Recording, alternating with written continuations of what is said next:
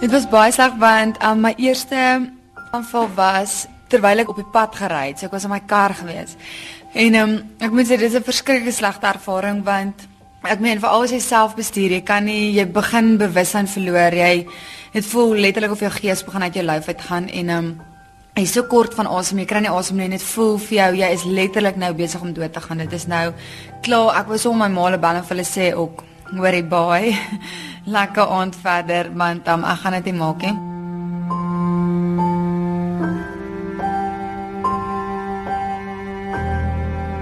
Ek het van die pad af getrek daar dadelik want ek het gevoel ek sal my kar omgooi want jy het net glad nie meer beheer nie. Jy kan nie regtig nie eers eintlik meer sien nie. En ek het my broer gebel en hy het my kom haal daar, so ek kon nie verder bestuur het nie. Ja, dit was my my eerste ervaring met dit en en op daai stadium het ek hospitaal toe gegaan en ek wou gehoor het wat hulle sê van hierdie situasie en ek het eintlik gedink hulle gaan vir my sê hoorie girl jy het kanker of iets want dit is dit is regtig 'n verskriklike ding en ek sê altyd vir mense jy kan nie met enige iemand as hulle dit nog nooit self beleef het nie kan jy nooit met iemand praat daaroor nie want jy weet regtig letterlik nie wat dit is nie. Ek dink dit is vir vir my nog een van die ergste goed wat al ooit met my gebeur het.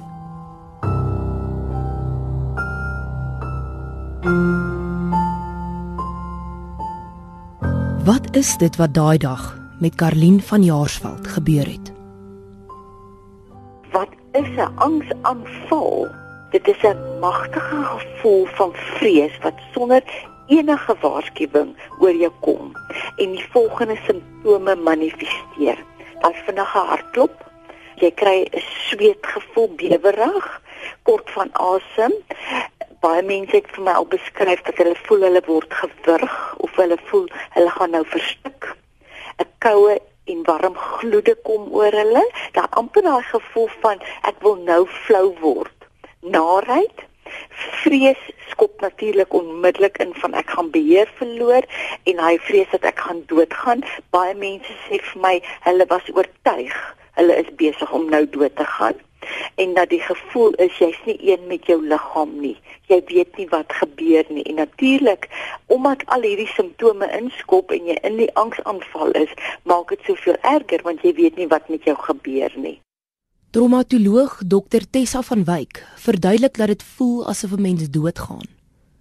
Maar wat sê die aktrise en aanbieder Angelique Gerber van haar ervaring? Ek het actually in die cinemas gesit en ek was besig om Spider-Man te kyk. En ek het net ewe skielik die weerste gevoel gehad asof ek is besig om dood te gaan en ek is besig om beheer te verloor en dis asof ek net heeltemal my lyf amper verlaat.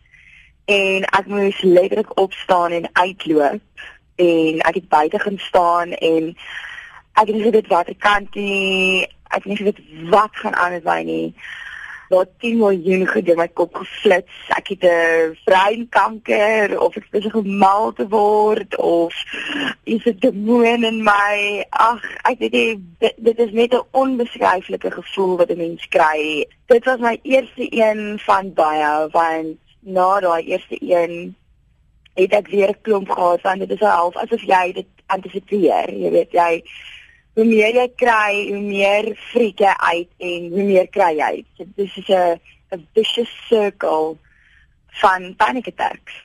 Angs is eintlik 'n baie normale menslike emosie wat almal een of ander tyd ervaar. Wanneer ons dink aan gewone probleme soos byvoorbeeld finansiële probleme en jy deur 'n maand gaan waar daar 'n bietjie van 'n krisis is finansiëel, dan ervaar jy 'n vorm van angs.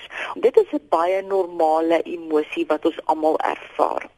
Waar dit egter kom by die angs en die paniekversteurings waarvan ons praat, begin daar onmiddellik meer gekyk word na die intensiteit wat inskop en die simptome begin letterlik 'n persoon emosioneel verlam.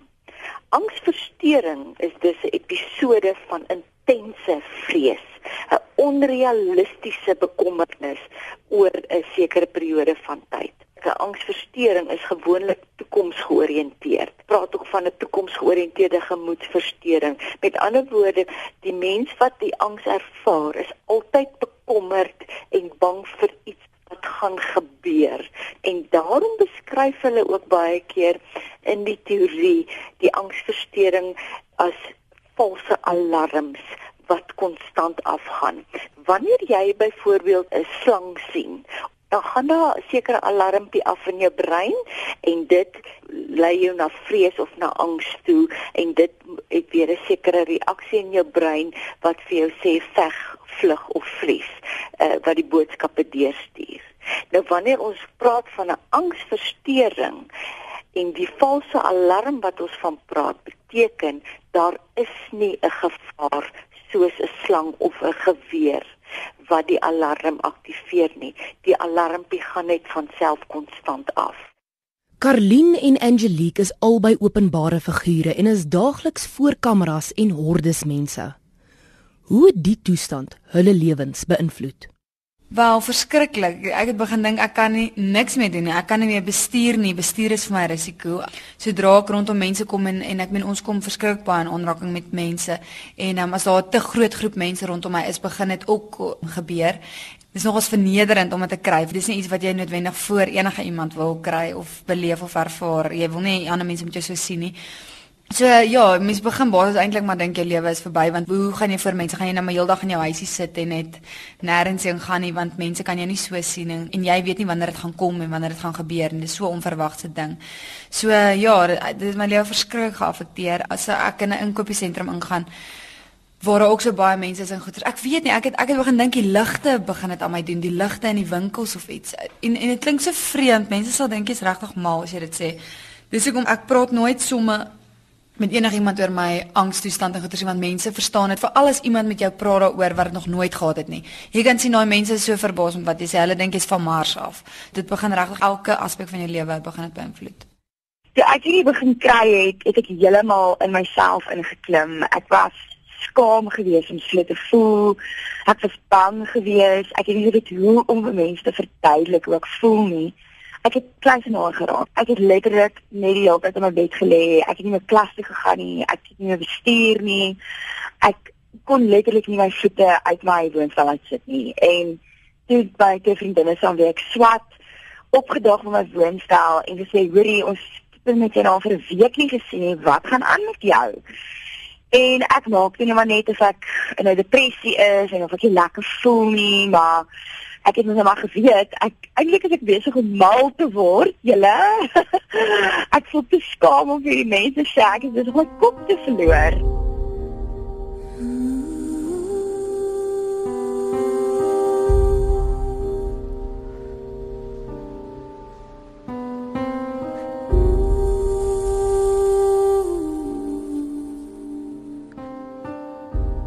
Psigiater Dr Karen van Wyk verduidelik hoe sy by 'n diagnose van angsversteuring uitkom. Ek gebruik 'n baie mediese model. Ek kyk eers na mediese geskiedenis. As hulle spasiese dipterm het, hoë bloeddruk, migraines, gebruik alkohol, gebruik dagga. Ek het al klaar die diagnose van angs. Ander mense het meer eksterne angs. Hulle gil, hulle drought rage, dan is daar die daardie onttrekkende angs. I'm not going to achieve, so I'm rather not going to try. I'm not going to go for that interview because I'm going to make a fool of myself. It's a very, very diverse condition. It's never my primary diagnosis. It's a comorbid diagnosis. Maar die belangrike ding, angs manifesteer al in vroeë kinderjare en dit word net erger. It's a snowball effect. Wel, dit was vir my eerlikwaar die grootste skok van my hele lewe want ek was so 4 keer hospitaal toe gewees met dit wat ek daar gelê het en dan wanneer jy daar lê dan tel hulle noodwendig dit nie meer op nie want dan is dit verby. Hier by die tweede keer wat ek gaan en toe begin hulle van sê hulle dink dit is 'n angsversteuring. Jy hoorie. Toe raai suster het vir my sê ek sê vir luister, kry jy net vir my dokter want jy het geen idee waarvan jy praat nie. ek was buite myself. Ek was bitter kwaad geweest. Toe die derde keer en die vierde keer toe was daar ook dokters by my en hulle het ook met my gepraat en hulle het begin om my hart en goeters op te toets en so en hulle het ook vir my begin sê dis 'n angsversteuring. Toe sê ek luister, jy moet my diagnoseer met so 'n ernstige dodelike siekte. Daar is groot wat jy kan nie vir my sê ek kry angs nie. Jy is van jou verstand af. So ek was verskriklik geskok om op 'n eind uit te vind dit is reg regtig 'n angsaanval en ek wou nou amper sê net 'n angsaanval, maar ek meen as mense net weet wat behels net 'n angsaanval, dan nee, ja, dit is regtig verskriklik. Ek kan dit nie vir iemand beskryf nie. Nou as ons kyk na die oorsake van angs, is dit baie wyd. Dit kan 'n gesinsagtergrond wees, jou opvoeding as kind, jou stresvlakke, mense wat sukkel om stres te hanteer, veral die A-tipe persoonlikheid wat gewoonlik uh, die go-getter is en wat alles wil perfek doen en wat ook baie hoë energie het, maar internaliseer al hulle stres. So jy weet nooit wanneer 'n persoon stres nie. En dan op 'n dag skop die angs in want die stres het net te veel geword.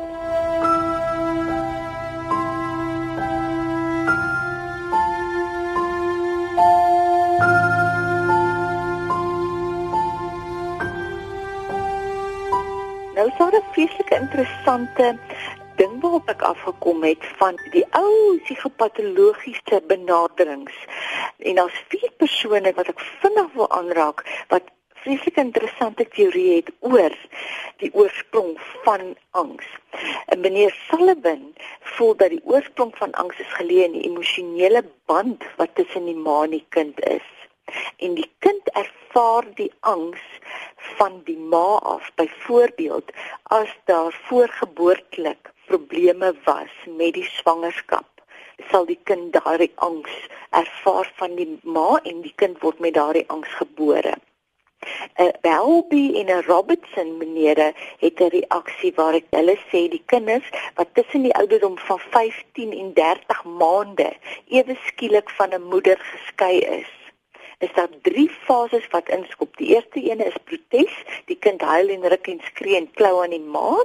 Die tweede stadium is waar die kind in 'n fase van wanhoop ingaan. In steede van protesteer, begin die kind treur en dan die derde fase, baie belangrik, dan begin die kind 'n afsydigheid wat inskop om homself te beskerm teen hierdie verlies van die ma.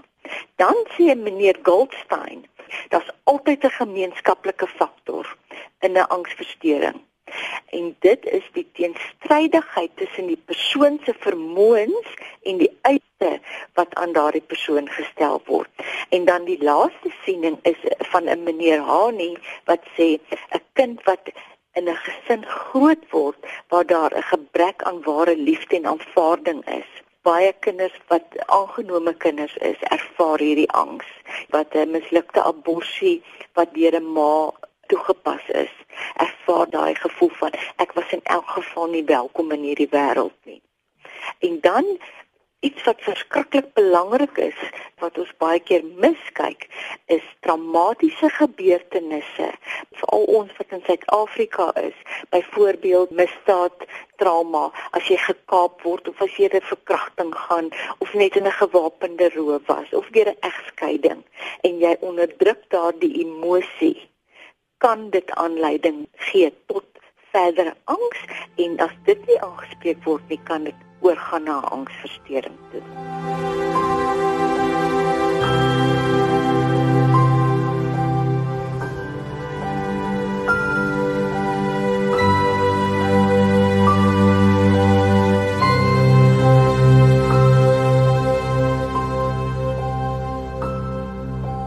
Die ergste ding is daai gevoel self en laat jy regtig nie kan verstaan hoekom jy met dit sit nie. Jy probeer dit vir jouself uitredeneer. Jy verstaan nie hoekom jy met dit sit nie en ek, ek probeer altyd om om vir myself te sê hier is 'n tydelike liggaam waarna mense woon en goeie sin.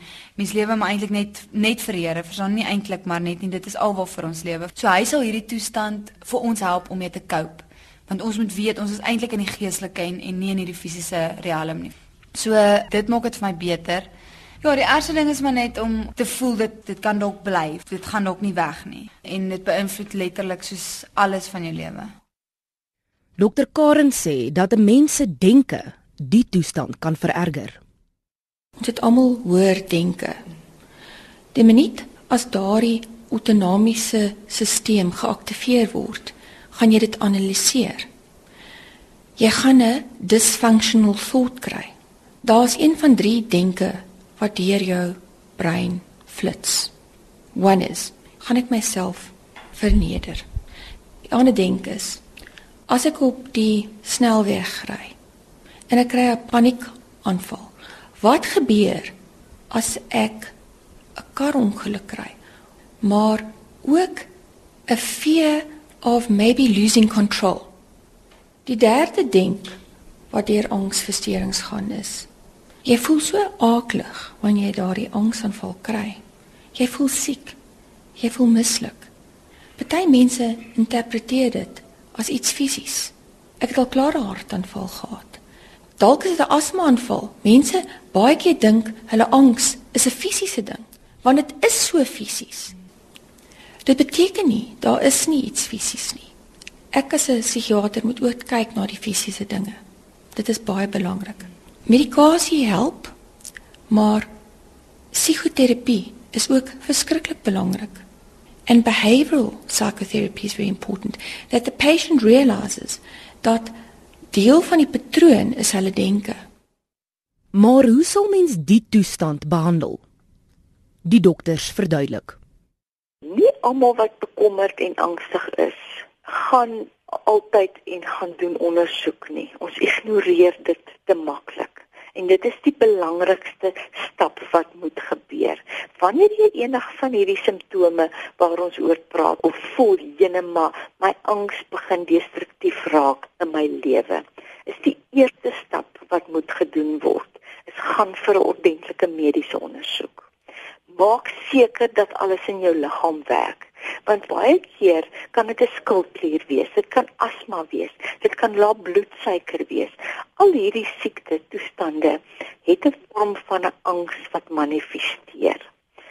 Sekere medikasie wat jy gebruik, se neeweffek kan angs laat manifesteer. En dan die volgende stap gaan na 'n ordentlike professionele terapeut toe, sielkundige toe wat weet hoe om met hierdie goed te werk of gaan na 'n psigiater toe. Wanneer jou terapeut vir jou aanbeveel en sê, weet jy, daar gaan sekere medikasies moet gebeur. Hoekom is dit belangrik om na 'n opgeleide psigiater toe te gaan? Dat baie subdelings van angs. So 'n psigiater moet vir jou duidelik wys met watter angs deel ons hier. Is dit net 'n fobie of sit ons met 'n OCD? en die medikasie gaan ook verskil. Jy weet, jy kan nie dieselfde angspilletjie vir almal gee nie. So dit is baie belangrik. Ek dink al is dit mild, moderate of severe, het elke persoon behavioral strategies nodig. Jy moet kyk na jou werkstruktuur, die werksure wat jy insit, jou slaapgehalte. Jy moet kyk na jou verhoudings. Is hulle giftige verhoudings? Elke angsversteuring 'n behavioral modification program nodig. Oefening is verskriklik belangrik. Positiewe verhoudings, jou geloof, al word jy met medikasie of nie met medikasie behandel nie, is daardie gedragsprogram baie belangrik.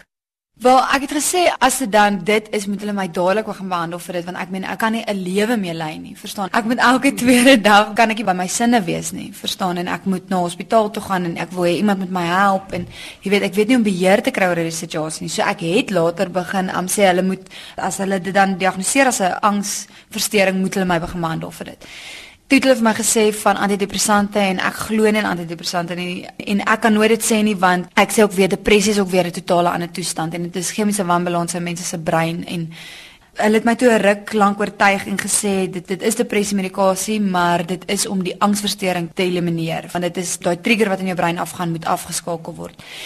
Toe was dit nou nog 'n lank oortuigingssessies om met my te sit en te sê ek moet die pille begin gebruik en alles.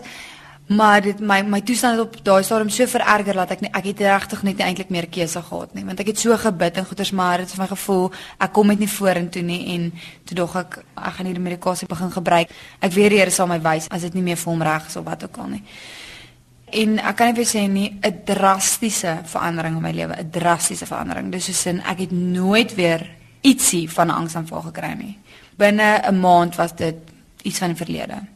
Ek kan nie lekker onthou wat die medikasie was waarop sy my gesit het nie. Maar weet jy, dit het regtig my lewe gered. Ek het gegaan vir bevryding vir die Christene daar buite wat dink dit is 'n demoniese ding. Ek het diep gedelf in al my roots, enige onvergifnis of bitterheid wat al moontlik kon wees. Want ja, jy weet die skrif sê fear does not come from God, it does not give you a spirit of fear. Maar ek meen ek het al hierdie goed gebreek in my lewe. I I walked a road with God en ek het elke dag die Here gesmeek om dit net weg te vat van my af. En ek het so 'n swakkeling gevoel omdat ek nie hierdie kon oorkom nie en het my gevoel Satan is besig om om my te oorwin. Maar wat mense nie verstaan nie is dit is nog steeds 'n chemiese wanbalans in jou kop wat jy moet regstel. En ek sê nie medikasie werk vir almal nie, dit het vir my gewerk. Dit was die enigste manier, dit het vir my die krag gegee om regtig hierdie angsaanvalle te oorkom. Ek het net nie meer krag gehad, ek het nie meer fight in my gehad nie. Ek kon nie meer bid nie, ek kon nie meer hierdie gevoelens en gedagtes oorwin binne in myself nie. Ek hierdie medikasie het my gehelp. Dit het my die krag gegee, dit het my weer die wil gegee, dit het my nuwe hoop gegee. Is behandeling met medikasie die enigste oplossing. Ek gebruik net medikasie. The quality of the person's life is being affected. Wat ek daarmee bedoel is interpersonal relationships met hulle kinders, met hulle familie, met hulle werkgewers. If it affects them interpersonally, hulle gesondheid, hulle het ulcers, hulle het stres, ulcers, hulle het kopseer, hulle is moeg, hulle is gedaan, hulle slaap nie. As dit hulle kognitiewe gehalte benadeel they're more distractible, they're not as work efficient. So ek behandel met medikasie wanneer jy nie meer effektief in daardie 3 gedeeltes van jou lewe funksioneer nie. So, um, ek het met die medikasie aangehou, ek het seker 3 jaar dit gebruik. Toe het ek op 'n stadium vir Here gesê ek voel of ek sterker raak. Ek wil van dit begin afbeweeg en hy moet my asseblief guide met dit en so en toe ek begin so stelselmatig van die medikasie afgaan wat 'n verskriklike moeilike proses was want my liggaam was ook maar gewoond aan wat die medikasie vir my gebied het. So toe het ek op die ouend heeltemal van dit afgegaan en ek moet sê ek is nou 8 maande al af van die medikasie af en ek voel regtig wonderlik. Ek glo ook die Here doen elke dag genesing en wonderwerke en goeters en ek glo hy het vir my ook 'n genesing gedoen definitief. Ek kry partykeer nog steeds van die simptome en so, maar ek bid ook dadelik en dan sê ek vir Here, ek vat dit nie en ek gaan probeer om daarmee saam te leef, verstaan? Maar ek, ek moet sê as dit te erg raak of dit vererger en beïnvloed my lewe weer so verskriklik dat ek dit nie kan beheer nie, dan sal ek weer medikasie gebruik. Die groot ding was, ek was vir 3 en 'n half jaar van die medikasie af. En ek het regtig gedink, okay, I finally conquered dit. En toe gebeur dit ons nou weer toe ek daai verhoogproduksie gedoen het en toe ek besewende naan was. En ek het gedink as dit weer sou gebeur, dan gaan ek weet hoe om te veg. En ek sal in beheer wees daarvan. Maar to my surprise, dis dit so sterk weer terug. Ek kon net nie. Ek kon net nie. So moet ook nie sleg voel as jy van die medikasie af is en jy moet later weer teruggaan op die medikasie nie want dit het met my ook gebeur en as jy nie sterk genoeg is nie en dit beïnvloed jou jou lewe om, te, om normaal te funksioneer. Daar is geen skaamte daarin om op medikasie te wees nie. Dit maak my so kwaad as mense vir my sê, "Ja, maar maar moet jy nie op die Here vertrou nie." Ek vertrou op die Here, maar die Here het ons nou mense gemaak wat hierdie medikasie maak. So ek het totale vrede om op medikasie te wees. En as dit jou help, hoekom nie? Daar is geen skaamte daarin nie. Ek wil net dit daar buite sit.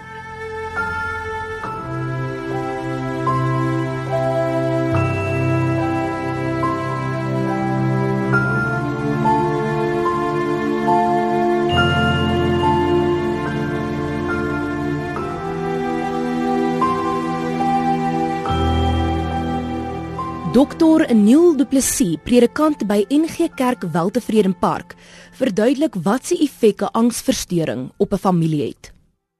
Dit is 'n groeiende probleem in die samelewing, veral in 'n moderne samelewing en daarom affekteer dit families direk. Jy weet sommige sielkundiges verwys na angs as die amptelike emosie van ons tyd en daar self statistieke in die FSA wat sê dat dit die nommer 1 geestesgesondheidprobleem is wat depressie en selfs alkoholisme verbygesteek het. Die persoon wat hieraan ly, erken dit baie moeilik. Baie kere omdat daar 'n stigma is aan die diagnose, soos met enige ander geestesgesondheidprobleem, en baie kere sal persone dan eerder in stilte en in eensaamheid hierdie vernietigende effek probeer absorbeer eh, op wat dit in hulle lewens teweegbring. Ek dink een groot ander uh, probleem is dat baie kere uit onkunde uit die families dan dit probeer verklaar aan die hand van dit wat bekend is. So hulle sal sê hierdie persoon het hy glo nie hard genoeg nie. Hy's daar's 'n duiwelsbesetenheid of uh, baie keer sal persone sê maar hoekom ruk jy jou nie net reg nie? En ons weet mos nou dit is nie so eenvoudig nie. So angs is 'n natuurlike emosie. Om die waarheid te sê, dis so oud soos die mensdom self. Ons lees dit oral. Uh, Dawid het baie daaroor geskryf byvoorbeeld in die Psalms. En ek dink veral in ons komplekse en ons gejaagde samelewing is dit iets wat al hoe meer toeneem omdat mense nie genoeg tyd aan daai innerlike fokus spandeer om rustig te leef en dalk meer in ritme met myself te leef nie. Ronel Brink, Karlien se ma, sê sy die eerste keer nie geweet hoe om dit te hanteer nie. Die eerste keer wat ek kan onthou dat ek so iets gesien het was eintlik na 'n vertoning gewees want sy moet gewoonlik gaan teken na 'n show en en sy het van die verhoog af gekom en daar was 'n geweldige verwillerde uitdrukking in haar oë en angstigheid en en ek het vir haar gevra maar wat is fout? Sy sê vir my mamma ek kan dit nie verduidelik nie. Iets is fout. Dit voel of my hart wil gaan staan. Toe sê ek vir haar, "Sissa, jy moet my probeer sê wat aangaan." Toe sê sy net haar hart klop verskriklik en en dit voel vir haar of sy doodgaan. Dit is dis basically dit en ek moet eerlikwaar sê ek het nie op daai oomblik geweet wat dit is, hoe om dit te hanteer nie. En uit die aard van my persoonlikheid het maar net vir gesê sy moet rustig raak, sy moet 'n bietjie gaan sit, um kop tussen die bene en na na 'n halfuur of wat was was sy half bietjie kalmer, maar sy was nie haarself nie. Ek dink een van die groot uitdagings met enige geestesgesondheidprobleem is die onkunde waaruit mense baie kere dink en dalk dit probeer hanteer. So dis baie maklik soos ek gesê het om 'n fisiese probleem te hanteer, maar sodra dit eh, geestelik raak, dan is dit nogal moeilik en kom onkunde baie kere na vore. So ek dink dis belangrik dat 'n mens sal gaan lees oor die siekte want dit is 'n siekte soos enige ander siekte en dat 'n mens moeite sal doen om byvoorbeeld die terapeut te vra vir leesstof of selfs 'n erkende webblad te besoek sodat 'n mens jou kan vergewis van die simptome en hoe om dit te hanteer. Wat gebeur? Is ek bewus van die simptome? As jy gaan kyk na die, die simptome, is dit baie soos 'n hartaanval en die verwarring wat daar ook kan wees, maar as jy onseker is, vergewis jou daarvan en sorg ook dat jou dokter weet daarvan sodat 'n mens die persoon so gou as moontlik ook by mediese hulp kan kry. En ek dink saam met dit alles wees ook sag op die familielede. Besef dat 'n mens gaan foute maak. Dat 'n mens dalk nie altyd so geduldig gaan wees nie, dat jy partykeer dalk die verkeerde woorde gaan gebruik, maar ek dink as daar openhartige kommunikasie is tussen familielede, dan is daar 'n fyn balans en ek dink kan 'n mens ook 'n veilige ruimte skep vir die persoon om te herstel. As jy weet wat aangaan met jou en jy kan tot die beste van jou vermoë aan jou man of jou vrou of jou ma verduidelik. En hulle gaan saam met jou na jou kinders toe om dit vir hulle ook te verduidelik min of meer waar jy gaan. En hulle is werklik lief vir jou. Kan ek enigstens glo dat dit moeilik is om in 'n verhouding te wees met so iemand? Ek meen ek is nog steeds op medikasie en dit is absoluut onder beheer. Ek het al die een keer my man in 'n toestand gebel waar ek op die hoofweg sit en ek voel ek kan nie 'n kilometer verder ry nie. Ek kry een paniekaanval op die ander aanval en en in daai stadium was ek nie meer op medikasie nie. En my man het dit so goed hanteer. Hy dadelik met my gepraat en gesê haal net asem, raak rustig. Dit is net adrenalien wat in jou liggaam vloei. Omdat hy dit verstaan en ek het dit al so mooi aan hom verduidelik, kon hy weer dit my praat en ek het veilig by die huis aangekom. Iemand wat dit al verstaan en bemeester het en aan iemand anders kan verduidelik dit ek nie ons is nie mal nie. jy kan 'n normale lewe lei, maar weer eens jy gaan dit moet aandag aan gee. Jy kan nie 'n angsversteuring verwaarloos nie en verwag om 'n normale lewe te lei nie. En weer eens, die belangrikste skop af met medikasie.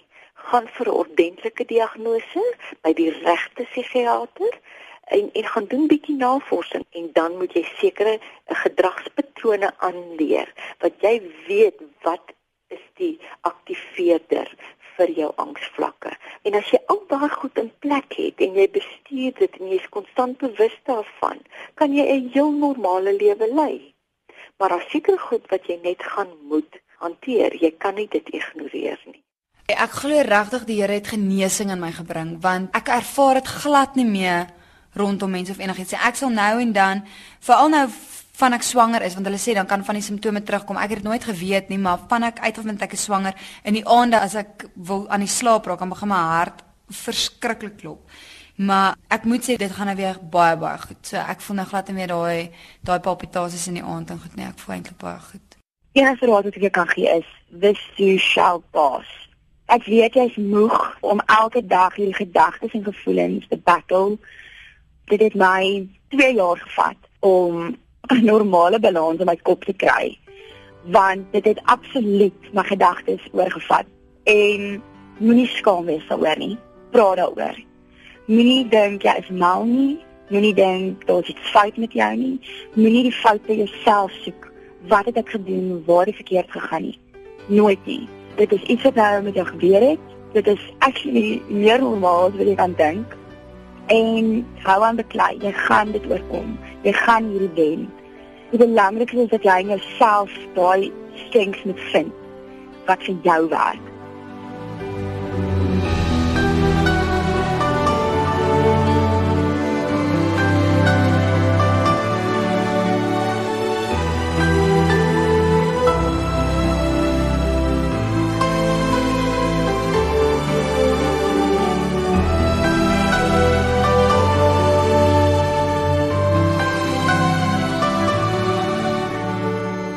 As bang begin byt. 'n Dokumentêr deur Christel van Tonder.